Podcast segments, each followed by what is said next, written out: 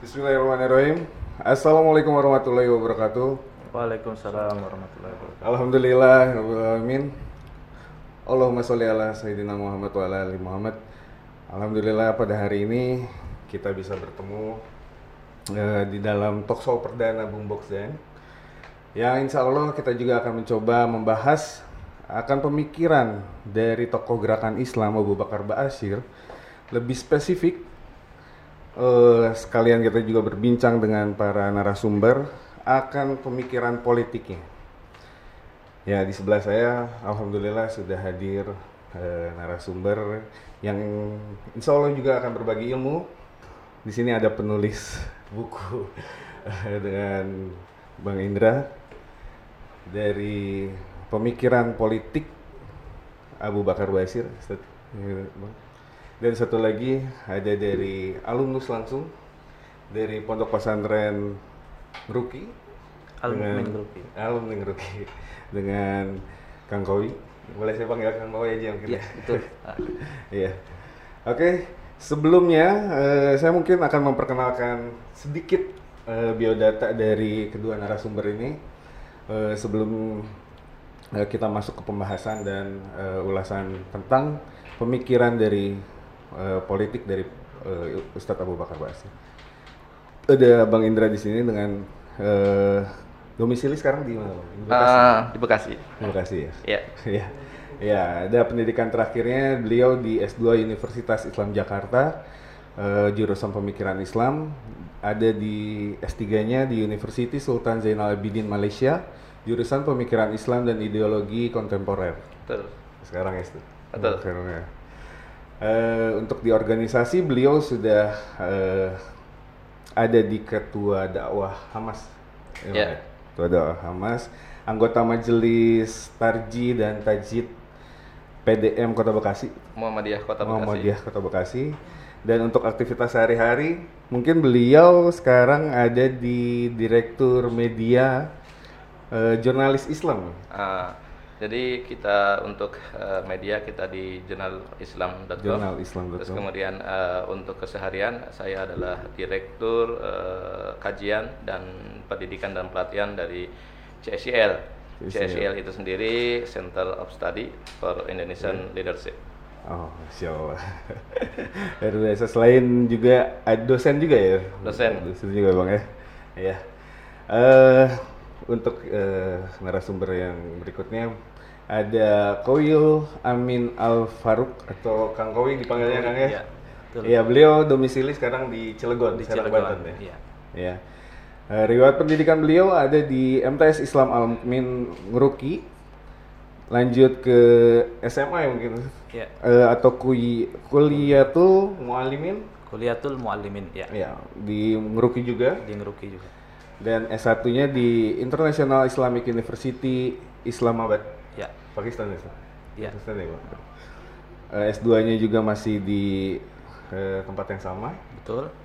Pakistan. Kalau untuk organisasinya beliau sebagai ketua ikatan keluarga alumni PP Al Mukmin dan Iskarami Iskarami Iskarima. Iskarima Iya. di Pakistan sampai sekarang masih Sudah selesai, Oh, sudah selesai. diganti ya. Sudah diganti ya. Ada juga di Ketua Majelis Permusyawaratan Anggota PPMI Pakistan, anggota Dewan Penasehat Pengurus Cabang Istimewa Muhammadiyah Pakistan, Ketua Yayasan Al Kafiyah Madani Cilegon, Cilegon. dan Ketua Majelis Tablik Pengurus Cabang Muhammadiyah Jombang Cilegon. Ya. Itu sampai sekarang. Ya sampai- baru baru kemarin musyawarah dan sudah ditentukan. Oh, so. Ya aktivis eh, eh, apa aktivis Untuk aktivitas, eh, berwirausaha, Wirausaha terus sendiri. kemudian ya menjadi dai. Gitu. Masya Allah, alhamdulillah. Ya, itu mungkin sekilas eh, biodata dari narasumber yang sudah hadir. Terima kasih sebelumnya Ya. sudah menyempatkan waktunya untuk bisa hadir di acara Boombox Gen Perdana ini di Talkshow. Dan kita mungkin langsung masuk ke pembahasan ya, eh, Bang Indra dan Kang Kowi. Yang kita tahu pada hari Jumat kemarin, tanggal 8 Januari 2021 kemarin, setelah 15 tahun dan dipotong remisi selama 55 bulan, akhirnya Ustadz Abu Bakar Basir bebas setelah sholat subuh secara murni dari lapas Gunung Sindur Bogor. Walaupun masih banyaknya yang mempertanyakan akan justifikasi dan ya deradikalisasi yang dilakukan beliau oleh pemerintah juga. Dan sempat menjadi sorotan yang paling eh, booming kemarin tuh sorotan dari media-media baik dari dalam negeri apalagi internasional tuh dari BBC, ABC sampai Al Jazeera Arab. Betul. Namun untuk pembahasan kali ini kita tidak akan masuk ke ranah seperti itu yang kita bahas adalah pemikiran politiknya yang kebetulan juga Bang Indra sebagai penulis dari buku pemikiran politik Abu Bakar Basir dan alumnus yang pernah mengenyam pendidikan di Ponpes beliau. Allah kita akan membahas eh, dalam kontekstual seperti itu. Untuk pertama mungkin saya ke Bang Indra mungkin Bang. Oke. Apa sih Bang yang bisa dilihat dari perbedaan pemikiran politik Abu Bakar Basir dengan tokoh politik Islam ya yang lainnya gitu?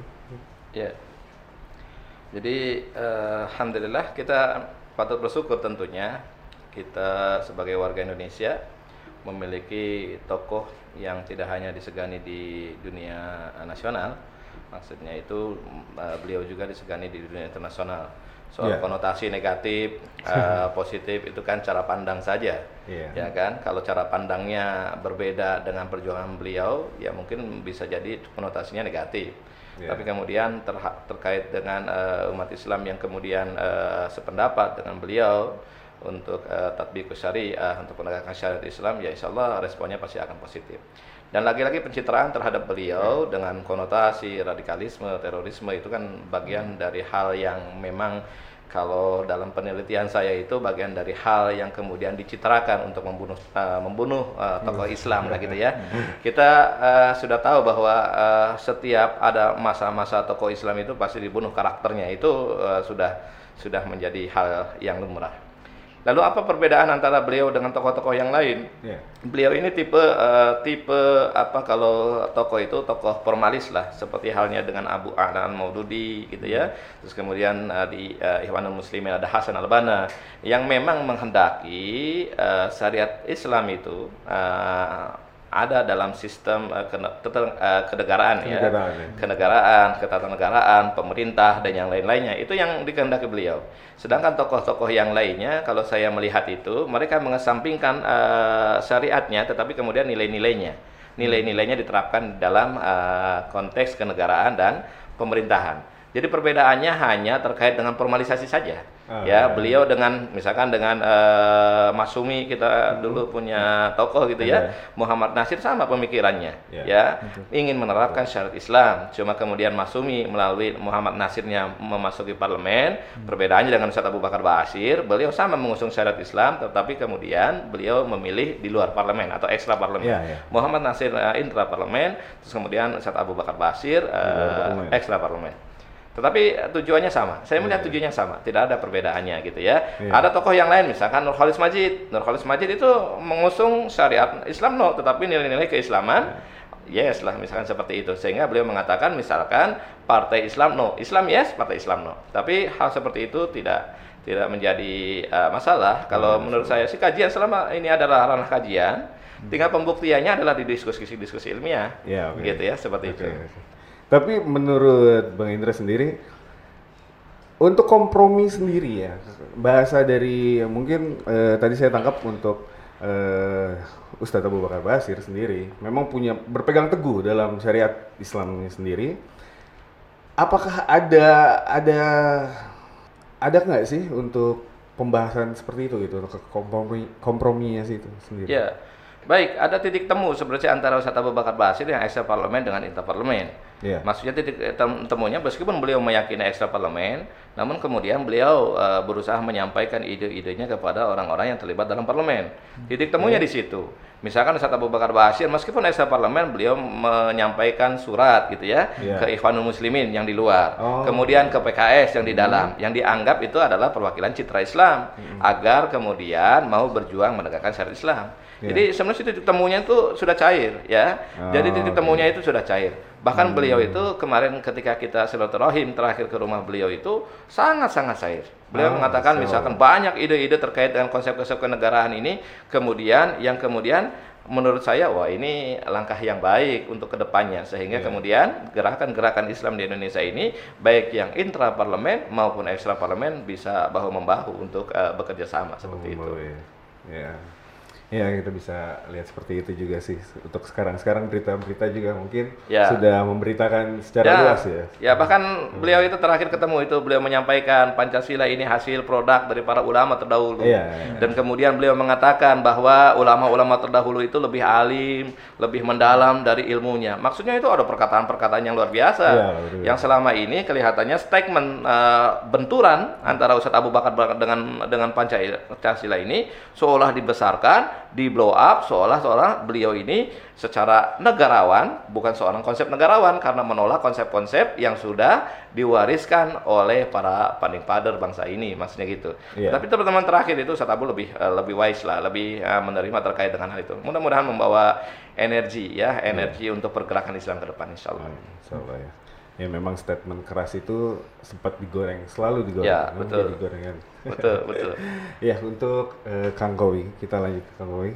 Ya. sebagai alumnus rookie bagaimana sih uh, Ustadz Abu Bakar Basir mendidik santrinya di pondok pesantren atau kurikulum? Memang ada khusus kurikulum apa yang ada di sana? Sementara media yang selalu memberitakannya berbeda gitu atau mungkin uh, hanya sepelintir berita yang bisa dibuat oleh media karena uh, pandangan beliau yang sangat keras akhirnya membuat uh, statement kalau pondok pesantrennya pun atau ajarannya pun di dalam itu menjadi keras gitu.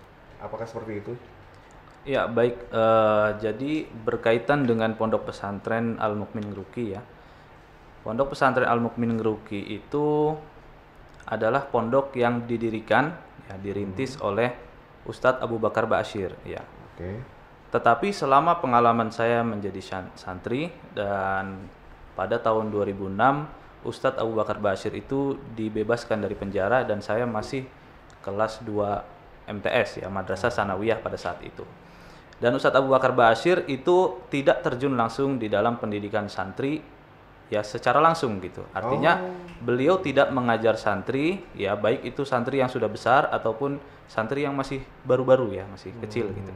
Tetapi beliau e, memberikan tausiah secara umum dan kajian-kajian gitu. Jadi e, kiprah Ustadz Abu Bakar Basir selama saya juga menjadi santri itu adalah beliau e, seperti pembina ya. Pembina. Ya. Penasehat dan pembina yang ada di pesantren Adapun pondok pesantren Islam Al Mukmin sendiri itu sampai sekarang juga itu tidak pernah terbukti mengajarkan radikalisme, tidak pernah mengajarkan terorisme, apalagi terorisme ya. Okay, okay, Dan itu sudah banyak sekali uh, apa namanya penelitian-penelitian bahkan juga sudah dijadikan skripsi berkali-kali uh, dari Kemenak juga sudah ada yang meneliti dan tidak menemukan kaitan antara uh, radikalisme dengan pondok pesantren Al Mu'min Ruki. Jadi seperti itu. Iya. Iya sebenarnya kita nggak akan masuk ke radikalismenya di ya, tapi sudah dibahas oleh Kang ya. Tapi memang memang seperti itu pandangan. Kang Awang boleh saya tambah ya, sedikit. Boleh. Untuk sosok Ustadz Abu Bakar Basir sendiri ya, beliau itu punya sikap yang lembut sebetulnya ya. Di dalam berbicara pun santun, di dalam berjalan pun santun. Bahkan kita itu diajarkan untuk berakhlak gitu ya bahkan kita diminta uh, diajarkan untuk menghormati orang tua. Kita kalau ketemu dalam sahabat Basir itu cium tangan seperti itu. Dan beliau itu tegas ya, bukan keras gitu. Kerasnya itu pada posisinya dari beliau. Ah ya. Ya, ya. Kalau memang Ustadz Abu Bakar Basir ini pribadi yang uh, dalam berprinsip keras lah ya. Iya. Kalau secara pribadinya memang uh, pribadi yang santun, pribadi yang lembut, bahkan pribadi yang dermawan. Iya. Dermawan itu Ustadz Abu Bakar Basir ketika saya kunjungan ke Cipinang itu, ketika banyak misalkan orang-orang berkunjung, kemudian menyantuni istilahnya ya, memberikan eh, apa mungkin sedikit rezekinya kepada Ustadz Abu Bakar Basir. Kemudian ternyata ada di, dan, di antara yang berkunjung itu kemudian menyampaikan bahwa dirinya sedang kesusahan, gitu ya, sedang kesusahan keuangan dan yang lain-lainnya. Ustadz Abu Bakar Basir tanpa melihat ya, tanpa melihat isi amplopnya dulu. Kalau kita mah mungkin di- dilihat Iya, dulu nih, iya. amplop sejuta kasihlah dua ratus ribu gitu ya. Tapi Abu dulu Bakar? Basir enggak, Ustadz Abu Bakar. Basir enggak. Begitu mendapat keluhan langsung amplop yang tadi dikasih sama jamaah dikasih lagi sama kepada kepada sosoknya seperti itu. Ini luar biasa.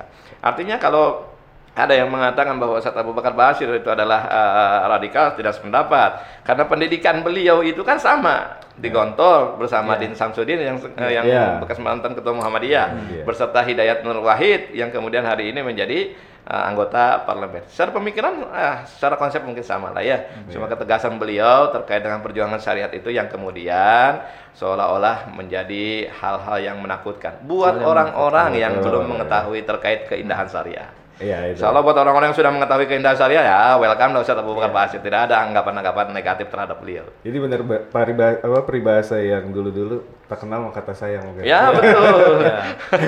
Dan itu betul. Kalau biasanya kalau misalkan Ustadz Abu Bakar Basir menyampaikan ini, Ya. orang banyak gitu ya, banyak hal. Ya sama lah misalkan Kato lah dari Jepang gitu ya, Iya, betul. peneliti dari Jepang. Beliau mengatakan awalnya, oh Ustadz Abu Bakar Basir seperti, seperti ini.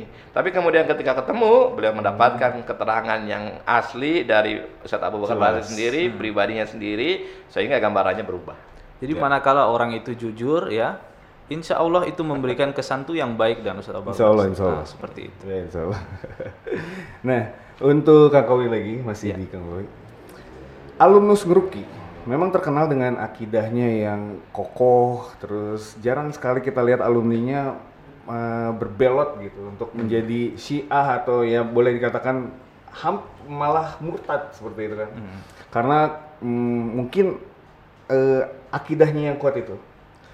Jadi eh, tadi memang Ustadz Abu Bakar eh, tidak sebagai eh, guru atau eh, yang mengajarkan langsung gitu kan, hanya sebagai penasehat. Tapi berarti untuk pengajar-pengajar yang lain, memang di dalam ruki itu sebenarnya apa sih akidah yang disampaikan itu, yang benar-benar eh, bisa membuat kokoh untuk alumni-alumninya. Kan sekarang ya wallahu alam juga ya. Ya. Walaupun kita belajar sudah lama tapi kadang eh, dengan zaman seperti ini apalagi eh, dari si A atau ya sebagai macam mm, banyak lah seperti itu akhirnya kita bisa eh, kufur atau membelot seperti itu Ya, eh, jadi berkaitan dengan apa namanya alumnus ya dari Pondok Pesantren Al Mukmin itu mereka distigmakan sebagai orang-orang yang memiliki akidah yang kuat gitu ya. Iya, Memang iya. visi misi daripada Al Mukmin Ngeruki sendiri itu ya di antaranya yang pertama itu adalah salimul akidah. Terus kemudian sahihul ibadah. Salimul akidah, akidah yang lurus ya. Sahihul ibadah, ibadah yang benar. Kemudian matinul khuluki ya memiliki akhlak yang baik. Qawiyul jismi dan seterusnya dan seterusnya ada delapan. Dan panca apa namanya eh, eh, apa namanya visi misi dari pesantren itu memang untuk membentuk karakter dari santri itu yang kuat ya. Akidahnya itu kuat. Jadi ketika kita masuk ke dalam pondok pesantren Al Mukmin Gruki, memang kita melihat bahwa kita tidak langsung diajar dengan Ustaz Abu Bakar Basir, tetapi murid-murid dari Ustaz Abu Bakar Basir itulah yang mengajarkan kita gitu. Ya. Ya terutama dari eh, bidang-bidang akidah sendiri tentunya yang dipilih eh, guru-gurunya untuk kami itu adalah guru-guru yang memang baik akidahnya, akidahnya yang lurus gitu ya. Kalau kita melihat dari alumni sendiri, eh, kita tidak menafikan ya kalau alumni mungkin saja ada yang melenceng. Kita tidak tahu ya, namanya Ya. manusia mungkin eh, ada saja yang melenceng seperti itu. Mungkin ada saja yang dia hanya sebentar di sana, terus kemudian keluar kuliah dengan jurusan pemikiran yang nyeleneh dan sebagainya, akhirnya kemudian menjadi sekuler, ya, nauzubillah. Nah, itu ada saja gitu ya. Pasti, ya. Tetapi eh, secara umum, ya, alhamdulillah bahwa alumni ngeruki itu memang akidahnya tetap dipegang teguh Insya Allah, seperti ya. itu. Ya. Insya Allah. Ya. eh, ternyata memang eh, dari pengajarannya saja sudah kayaknya sudah membuat kokoh saya sendiri. Sedikit sedikit mendengar aja. Eh, insya Allah ya. Iya. berapa tahun? Tiga tahun? Enam tahun? Wah masya Allah jadinya. Ya udah mungkin ke eh, Bang Indra lagi. Seperti yang kita lihat sebelumnya memang sedang cenderung akan Islam yang sering terjadi pertikaian masalah ikhtilaf terus antar tokoh. Eh, Ustadz ABB ini seperti mampu diterima oleh semua kalangan gitu semua para tokoh jadi mm, lebih lebih melihat mungkin apa apa sih yang dilihat gitu sosok beliau karena memang sudah berumur atau memang ada yang eh, melatar belakangi beliau menjadi sorotan yang eh, dilihat para tokoh itu sebagai eh, apa namanya pedoman atau tuntunan seperti itu. Apa sih yang yang ada gitu yang menjadi latar belakang selain beliau yang sudah berumur? Ya, kalau saya melihat beliau itu pribadi yang istiqomah. Istiqomah. Ya, itu yang menjadi kunci semuanya bahwa kemudian beliau diterima oleh semua golongan itu karena melihat beliau pribadi yang istiqomah. Dari awal saya mengenal eh, sosok eh, beliau itu, dari awal saya pelajari sampai sekarang itu beliau pribadi yang istiqomah, baik dalam perkataannya, perbuatannya, perjuangannya sama, tidak ada yang berubah. Nah, itu yang kemudian eh, yang kemudian beliau diterima ya, diterima oleh umat, diterima oleh oleh tokoh-tokoh seperti yang itu. lain. Karena memang keistiqomahannya. Kemudian yang kedua, beliau itu mempunyai keikhlasan yang kuat. Ya, keikhlasan yang kuat. Hari ini coba bayangkan di sekarang usia beliau itu berapa tahun beliau itu eh, taruhlah masuk penjara. Ya, Ya, ya, kalau misalkan bukan pribadi yang ikhlas, ya mungkin hari ini masuk penjara, besoknya berubah, ya apa yang disampaikannya. Tetapi belum tahu bahwa itu adalah konsekuensi menyampaikan kebenaran kulul haq wala karena muro ya Ya. itu beliau beliau tahu. Jadi kunci dari dari itu semuanya saya melihat itu hanya pribadi yang istiqomah dan kemudian beliau itu ikhlas.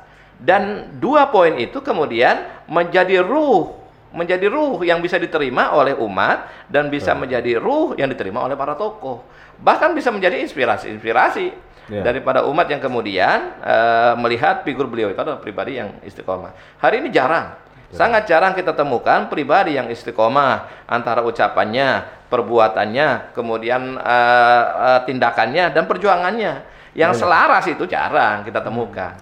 Hari ini biasanya kalau penyakit tokoh itu hari ini ngomong A, besoknya ngomong B, penyakit tokoh itu. Banyak, kalau ya. terkait dengan umat, hari ini umatnya bersatu, tokohnya enggak bersatu. Itu penyakit di antara kita. Dan Ustaz Abu Bakar Basir tidak memiliki sifat-sifat seperti itu. Dan yang paling penting Ustaz Abu Bakar Basir itu tidak memiliki syahwat terhadap dunia yang begitu besar. Ya, ini yang berbeda dengan eh, para tokoh yang lainnya. Banyak eh, hal-hal yang sifatnya tawaran-tawaran dunia yang kemudian merubah paradigma itu semuanya. Ustaz Abu Bakar Basir enggak lah. Kalau kita lihat semua berapa bah- eh, berapa lama lah beliau itu kemudian menghabiskan hidupnya dari penjara ke penjara. Kalau bukan karena keistiqomahan, lalu atas dasar apa beliau mau seperti itu? Jadi istiqomah, kemudian saya melihatnya karena keikhlasan, terus kemudian syahwat terhadap dunianya itu yang sedikit lah ya dibandingkan dibandingkan dengan para tokoh yang lainnya. Mungkin ada tokoh-tokoh yang lain ya, yang baik, Iya, yang iya. soleh, yang lainnya yang tidak terekspos dengan media. Qadarullah, qadarullahnya itu Ustadz Ba'asir dipilih untuk terekspos di media seperti itu. Iya. Dan saya yakin banyaklah tokoh-tokoh yang ikhlas, istiqomah dan yang lain-lainnya cuma tidak terekspos dengan media saja. Iya, banyak juga memang yang tadi sudah disebutkan juga. Ya betul. Eh, tokoh-tokoh yang berkata ah hari Ya ini betul. hari ini besoknya sudah Balelo lah istilahnya Iya, ya. ya balelo, Balelo. kalau di Sunda ya. Kalau Ustadz Abu itu lebih lugas juga ya dalam Ah, lugas, penyampaiannya. beliau. Sederhana, lebih Betul, mudah betul. diterima gitu. Iya, iya. Mungkin banyak orang-orang yang lebih pandai secara keilmuan daripada Ustadz Basir gitu ya. Iya. Kalau kita lihat misalkan dari satu tempat dulu saya pernah eh, satu hari itu mengikuti Ustadz Ba- Abu Bakar Basir itu. Paginya beliau ngisi di Bekasi, terus kemudian siangnya beliau ngisi di Tangerang, terus kemudian malamnya beliau ngisi di Bogor. Saya ikutin tuh. Ya, ingin mengetahui parameter keilmuan daripada Ustadz Ar- eh, Ustadz Basir. Ternyata apa yang disampaikannya dari satu tempat ke tempat yang lain sama. Sama. Maknanya keilmuan beliau itu ya memang ya mungkin tidak sepandai dengan tokoh-tokoh yang lain yang mencapai gelar doktor dan yang lain-lainnya. Bisa jadi beliau keilmuannya itu di bawah itu. Tapi yang menjadikan beliau itu adalah keistiqomahan. Keistiqomahan. Sehingga ilmunya itu nyampe loh ke ke masyarakat gitu. Ruhnya. Iya. Ya kan buat mungkin Ustadz Kowi ini dai ini kan mengajar itu bukan hanya menyampaikan ilmu, Betul. tapi menyampaikan ruh. Nah, Se- Sejauh mana yang diajarnya itu mau untuk iqamatuddin, Iya. Iya. mau berjuang. Kalau hanya menyampaikan materi, ya untuk apa? Iya. Bisa baca. Sekarang Syekh Google lebih pintar daripada kita ya. Tinggal Syekh Google lebih pintar daripada kita. Iya. Maksudnya semuanya ada lah di Syekh Iya, Google iya, kalau iya, masalah iya, ilmu iya. tuh. Tapi ruh, ruh itu nggak nggak dimiliki oleh semua orang. Dan itu dimiliki oleh Ustadz Basir. Jadi memang masya Allah juga untuk keistiqomahan beliau itu membuat ruh beliau menjadi lebih bercahaya mungkin. Ya betul betul. Jadi tokoh-tokoh yang lain memang melihatnya seperti eh, menjadi acuan juga untuk mereka. Ya gitu. ya. Memang kalau kita bandingkan dengan eh, politik ya, apalagi berbicara secara politik, eh, bang, memang eh, perkataan itu sekarang sudah sudah jadi eh, rahasia umum juga gitu, karena sudah terekspos di media-media maupun di mau di TV nasional atau YouTube segala macam. Ya. Omongan yang jadi jejak jadi apa? Jejak digital. itu benar-benar Ya kelihatan betul. ya. memang. Jadi bisa membunuh tokohnya tersebut. Iya, sebenarnya, sebenarnya. Dan itu nggak bisa ditemukan di Ustadz Basir. Jejak digitalnya nggak ada. Dari awal sampai sekarang jejak digitalnya ucapannya sama. Iya. Tapi walaupun begitu dogmanya tetap seperti Oh itu. iya, betul, betul. Buat Yang- orang yang, tidak tahu iya, lah. Untuk umum. Makanya memang harus kenal baru kita sayang. Ya, ya, Iya, betul. betul. Iya. Untuk eh, Kang Kowi nih setelah eh, pasca 9 September 2001 dan headline yang eh, me, apa ya melangsungkan kata terorisme untuk eh, pasca pasca kejadian tersebut bagaimana sih tanggapan Akang Iya. sebagai alumni Ngeruki karena memang eh, yang ya kita juga nggak bisa bohong sih media-media yang kita baca jadi memang eh, semua orang yang di eh, oke kalau untuk yang di dalam negeri tapi untuk yang di internasional mereka kan tidak mau tahu sebenarnya Iya. tidak mau tahu walaupun walaupun dogma yang kita berikan eh, sekarang dengan kejelasan coba kalau misalnya kayak Kato tadi dari Jepang datang langsung bisa melihat pribadi beliau itu berbeda gitu Iya. sebenarnya.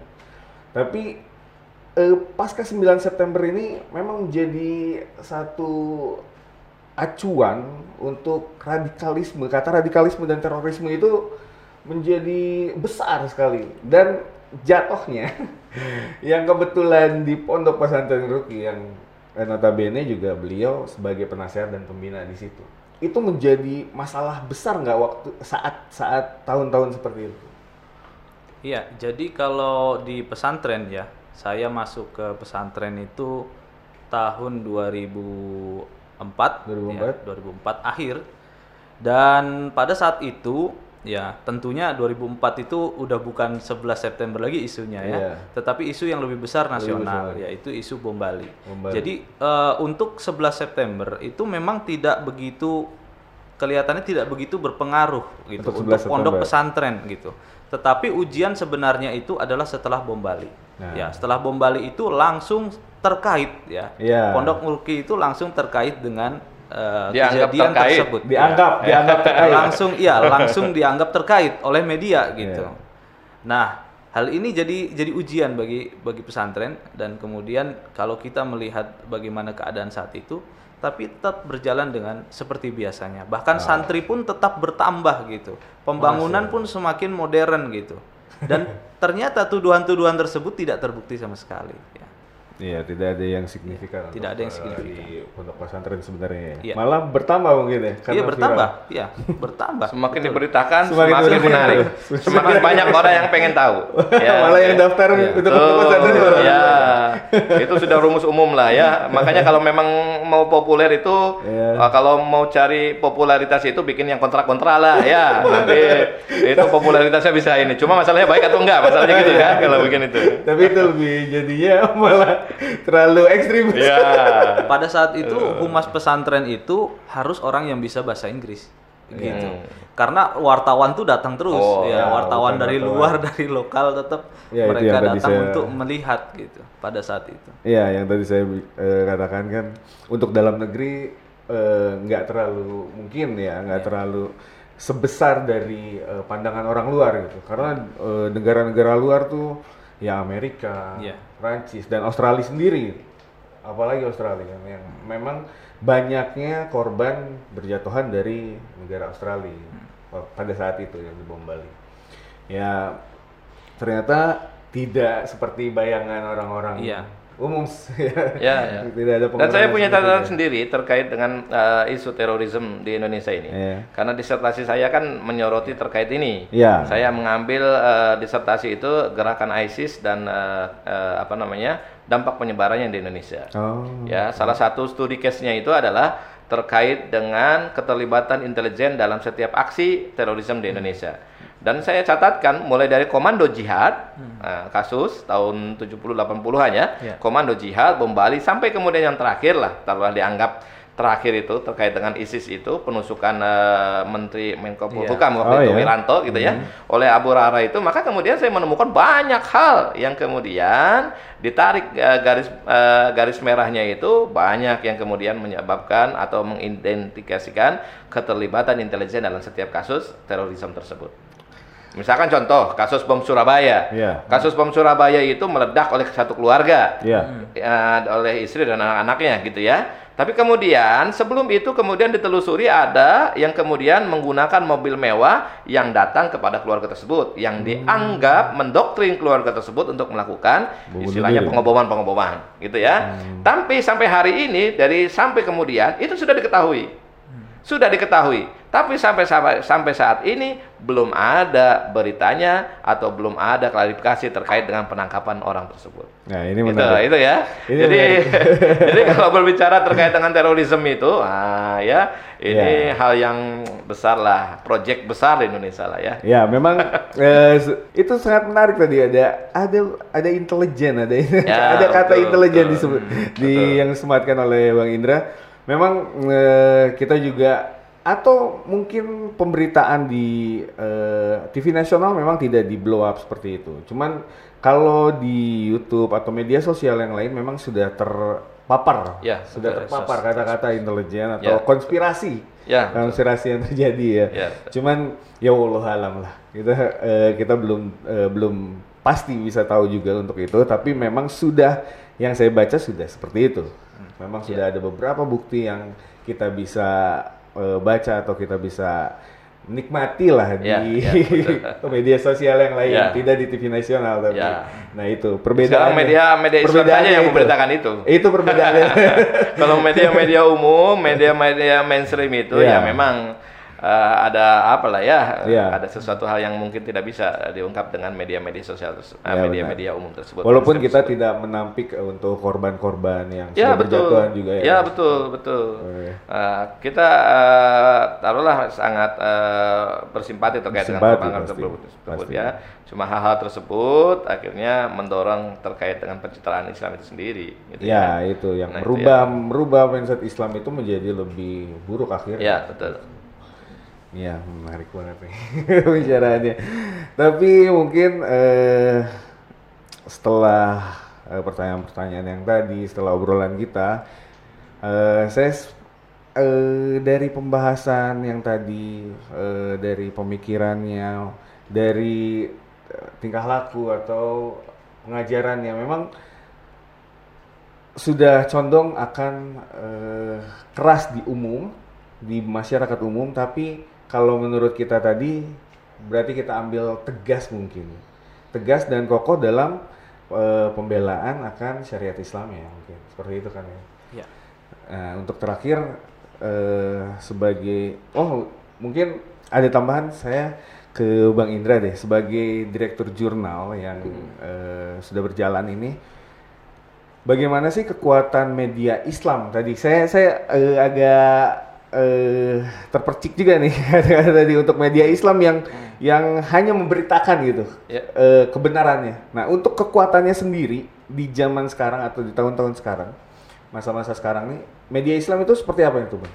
Ya, media Islam ini antara kalau istilah bahasa Arab ini wujuduhu kadamihi lah ya. Iya. Ya, maksudnya itu ada, tetapi peranannya itu peranannya itu tidak eh, semaksimal media-media mainstream. Mainstream. Kenapa tidak bisa maksimal? Ya karena pendanaan. Ah. Ya kan? Untuk eh, investasi di media Islam itu sangat-sangat besar. Kita investasi dalam media itu sangat-sangat besar dan itu yang terjadi dan kemudian menimpa media-media Islam. Sehingga kemudian istilahnya hanya memberitakan yang memang mampu mereka garap Ya. atau mampu mereka tulis. Karena untuk memberitakan semua hal terkait dengan kebenaran itu ya membutuhkan biaya yang besar dan itu yang kemudian tidak disanggupi benar. oleh media-media Islam. Memang ya. Jadi mirisnya sekarang ini kita di media Islam itu kurang support dana lah ya. Ya. Sehingga harusnya orang-orang yang hari ini diberikan eh, taruhlah dititipkan oleh Allah eh, harta ya, terus kemudian eh, rizki yang luas, maka harusnya mereka mempunyai fokus untuk eh, menjadi donatur pada media-media Islam Ya. sehingga kemudian kebenarannya bisa seimbang. Ah. Karena kebenaran itu kan harus disampaikan. Nah, alat untuk menyampaikan itu media. Medianya kekurangan dana untuk hal seperti itu, maka kemungkinan kebenarannya akan tertutupi. Boleh saja sekarang ini di, di medsos ini kan pribadi-pribadi. Ya. Selain media itu kan pribadi-pribadi bisa eh, mengupload berita, bisa menyuarakan kebenaran. Nah, di situ kuat ya isu terkait dengan eh, keberpihakan terhadap Islam itu kuat tetapi kemudian di media-media mainstream kita kalah kita kalah ya Tertutupi ya. tertutupi ya sehingga kalau pertempurannya hari ini di media maka ya kita masih kalah lah untuk eh, menyuarakan kebenaran Tapi ya insya Allah juga memang eh, saya lihat di media-media yang lain juga, eh, ya media Islam ter- terutama ya.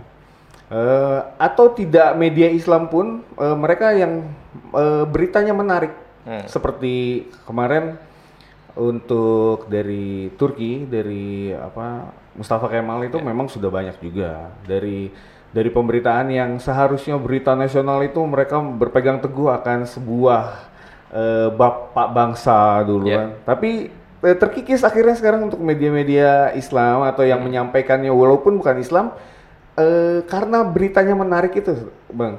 Jadi ya karena itu keuntungan media media sosial nah ya. cepatnya Nah, pergerakan itu. media sosial itu menguntungkan dari sisi Islam Tapi bisa dibantu berarti. Ya untuk- betul.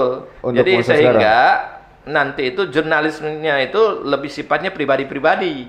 Ya, gitu ya, ya. ya. Siapa mengetahui informasi, siapa yang mengetahui kebenaran, lempar ke media sosial. Media sosial. Dan semuanya bisa mengetahui terkait dengan hal itu. Ya, Meskipun satu sisi kita mengalami kekurangan, di sisi lain dengan adanya medsos, WhatsApp, ya kemudian FB, Instagram yang lain Ya. kita bisa menyerap informasi sebanyak-banyaknya. Kita Benar. bisa menyerap informasi kebenaran sebanyak-banyaknya. Kalah masih kalah sama TV ya. Termasuk termasuk pemikiran-pemikiran Ustaz Abu Bakar Basir lah bisa diambil lah ya. Iya, insya bisa ya, ambil mudah-mudahan. di media-media gitu ya. Saya sudah tulis jurnal terkait dengan pemikiran politik Abu Bakar Basir Iya. dan itu kemudian sudah saya publish di UKM University Kebangsaan Oh, Malaysia. oke. Ya, waktu itu di conference di UKM sudah saya uh, lemparkan dan kemudian sudah ada uh, tulisannya seperti itu. Jadi bukan hanya terkait dengan bukunya, pemikiran Ustaz Abu Bakar Basir ini Sudah di-blow gitu up yang ya, lain bisa ya, kemudian media yang bisa lain. eh, bisa kemudian untuk para ak- akademisi Heeh. dan kemudian para ilmuwan bisa mengambil tersebut. Iya. Dan respon di UKM itu profesor dan yang lain-lainnya itu ketika saya konferensi menyampaikan terkait dengan pemikiran politik Abu Bakar Basir, mereka duduk paling sap paling awal karena pengen mengetahui terkait dengan informasi kebenaran terkait Oh. Ya, dengan pemikiran politik Abu Karena Basir. menarik beritanya Ini menarik. kan selama ini mereka simpang siur gitu Ya, ya, menerima informasi dari TV, dari dari internet dan yang lain-lain. Ketika Nah, ada orang itu. yang presentasi mempresentasikan terkait Langsung. dengan pemikiran, ah, mereka berdiri. Dan kemudian eh mereka duduk di sok terdepan dan kemudian mereka menanyakan terkait dengan ini, dengan, dengan itu, dengan ini. Iya. Maknanya, maknanya bahwa kajian terkait dengan pemikiran eh, politik Ustaz Abu Bakar Basir ini menarik. Ya, benar. menarik dan banyaklah menjadi rujukan-rujukan. Ya memang itu yang jadi pandangan untuk eh, anak-anak muda sekarang juga. Memang karena menariknya satu berita atau Ya. menariknya satu kejadian itu, Ya, makanya ya. menjadi viral atau Ya, booming betul, di betul, media betul. tuh seperti itu. Betul. Walaupun memang ya tidak menampik juga karena pemberitaan yang di media benar kata abang tadi di media sosial hanya jatuhnya perorangan ya. Ya, betul. Bisa tertutupi saat eh, TV nasional sudah memberitakan yang sudah berbeda lagi gitu kan. Hmm. Ya, ya. betul. Iya. Ya, atau menarik. akunnya banyak yang ditutup down ya. ya. Akunnya ditutup kalau yang mengkritisi pemerintah. Iya. kalau yang tidak mengkritisi pemerintah ya nggak ditutup lah ya. Ya udahlah. Jawabannya mungkin itu ya. Susah. Oke. Alhamdulillah ya pemikiran-pemikiran hari ini alhamdulillah mungkin bisa menjadi pelajaran ya dari Bang Indra, insya Allah dari Kang Kowi sebagai alumnus juga dan eh kejadian yang sudah langsung dialami oleh Bang Indra sendiri terus eh, mungkin sedikitnya dari Kang Kowi bertemu dengan Ustadz Abu Bakar Basir menjadi eh, pemikiran yang berbeda buat kita dogma yang berbeda karena yang disampaikan di swasta atau di nasional saat ini memang jatuhnya seperti itu. Untuk beliau pun dari media internasional apalagi itu lebih eh, menjerumuskan ke hal-hal yang eh, negatif pastinya. Satu kata, satu kata untuk untuk atau akan kiprahnya dakwah politik yang dilakukan oleh Abu Bakar Basir. Istiqomah. Istiqomah. Ya beliau pribadi yang istiqomah. Dan mudah-mudahan hari ini beliau sudah sepuh lah ya. Nggak tahu kapan eh, mau men- eh, menjemput Ya. beliau.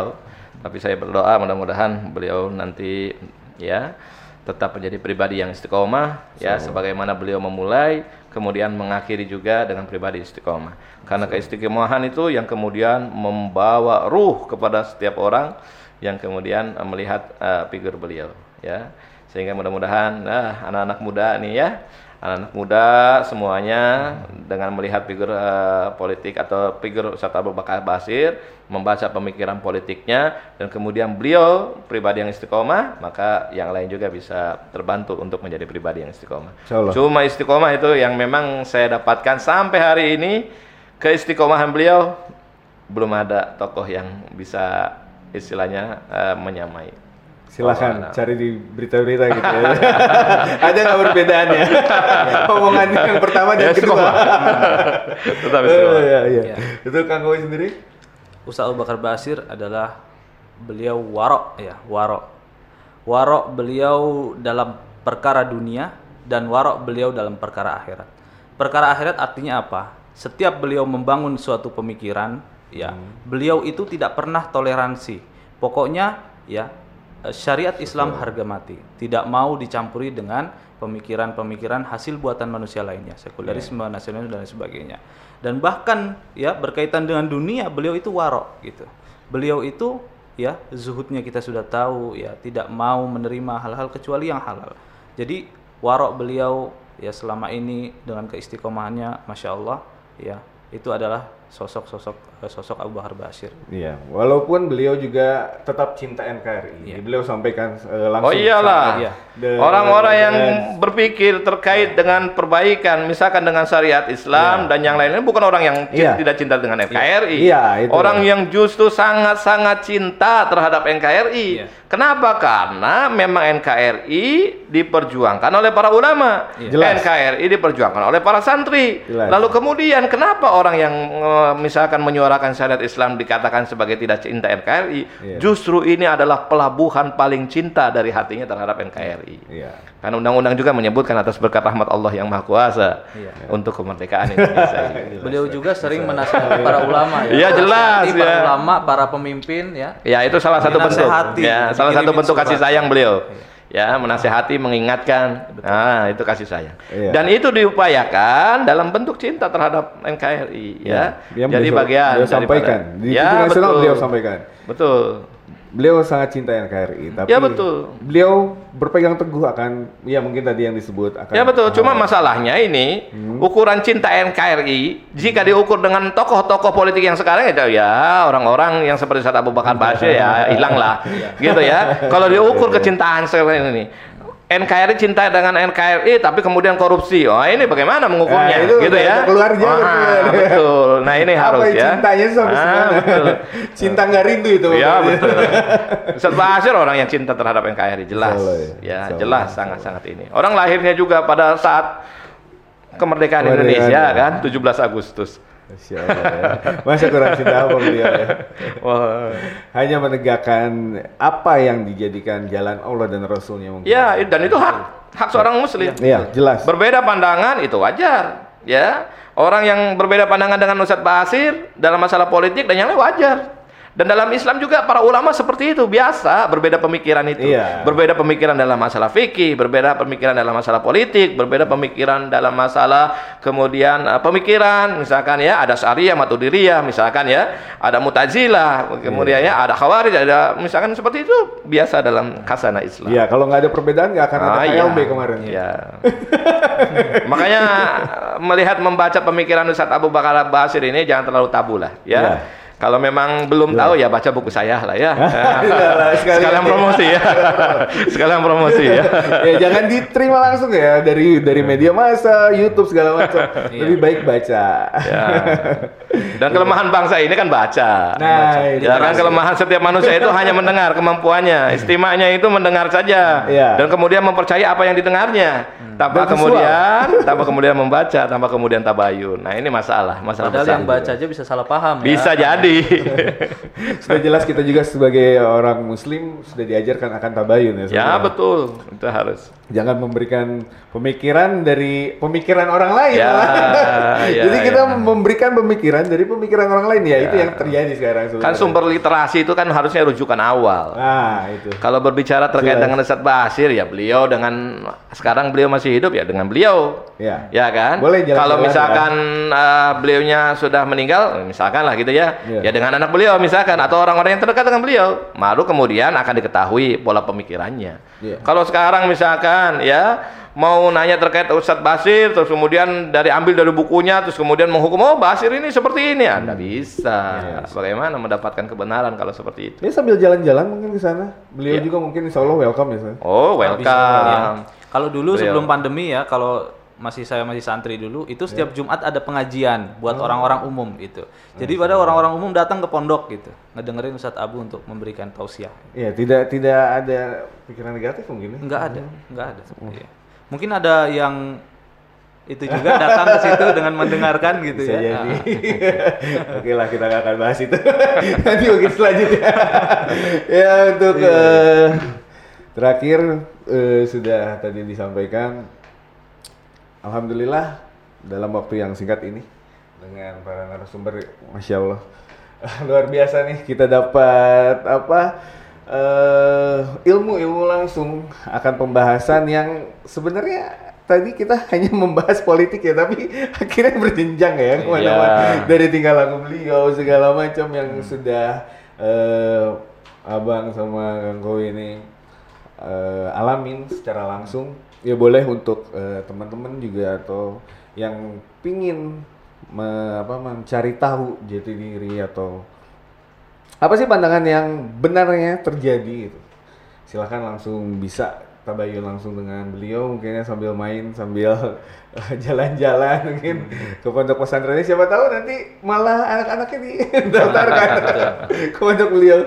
Ya ulasan ini insya Allah bisa jadi suatu pembelajaran yang berarti bagi kita sebagai pemikir politik Islam dan para muslimin serta kawan-kawan Boombox Jain yang sedang menyaksikan. Tak lupa terima kasih yang pasti untuk kedua narasumber sudah bisa hadir. Bang Indra dan Kang Kowi yang sudah menyempatkan waktunya. Untuk supported, supported yang eh, membantu kelangsungan acara ini juga terima kasih. Mungkin kita eh, tutup dengan alhamdulillah Alhamdulillah. Alhamdulillah untuk kesempatan kali ini semoga sam- eh, talkshow talkshow di Boombox Zen selanjutnya bisa apa namanya bisa berlangsung dengan pembahasan-pembahasan yang lebih menarik ke depannya. Amin. Oke, wa'alaikum Wassalamualaikum warahmatullahi wabarakatuh. Waalaikumsalam warahmatullahi wabarakatuh.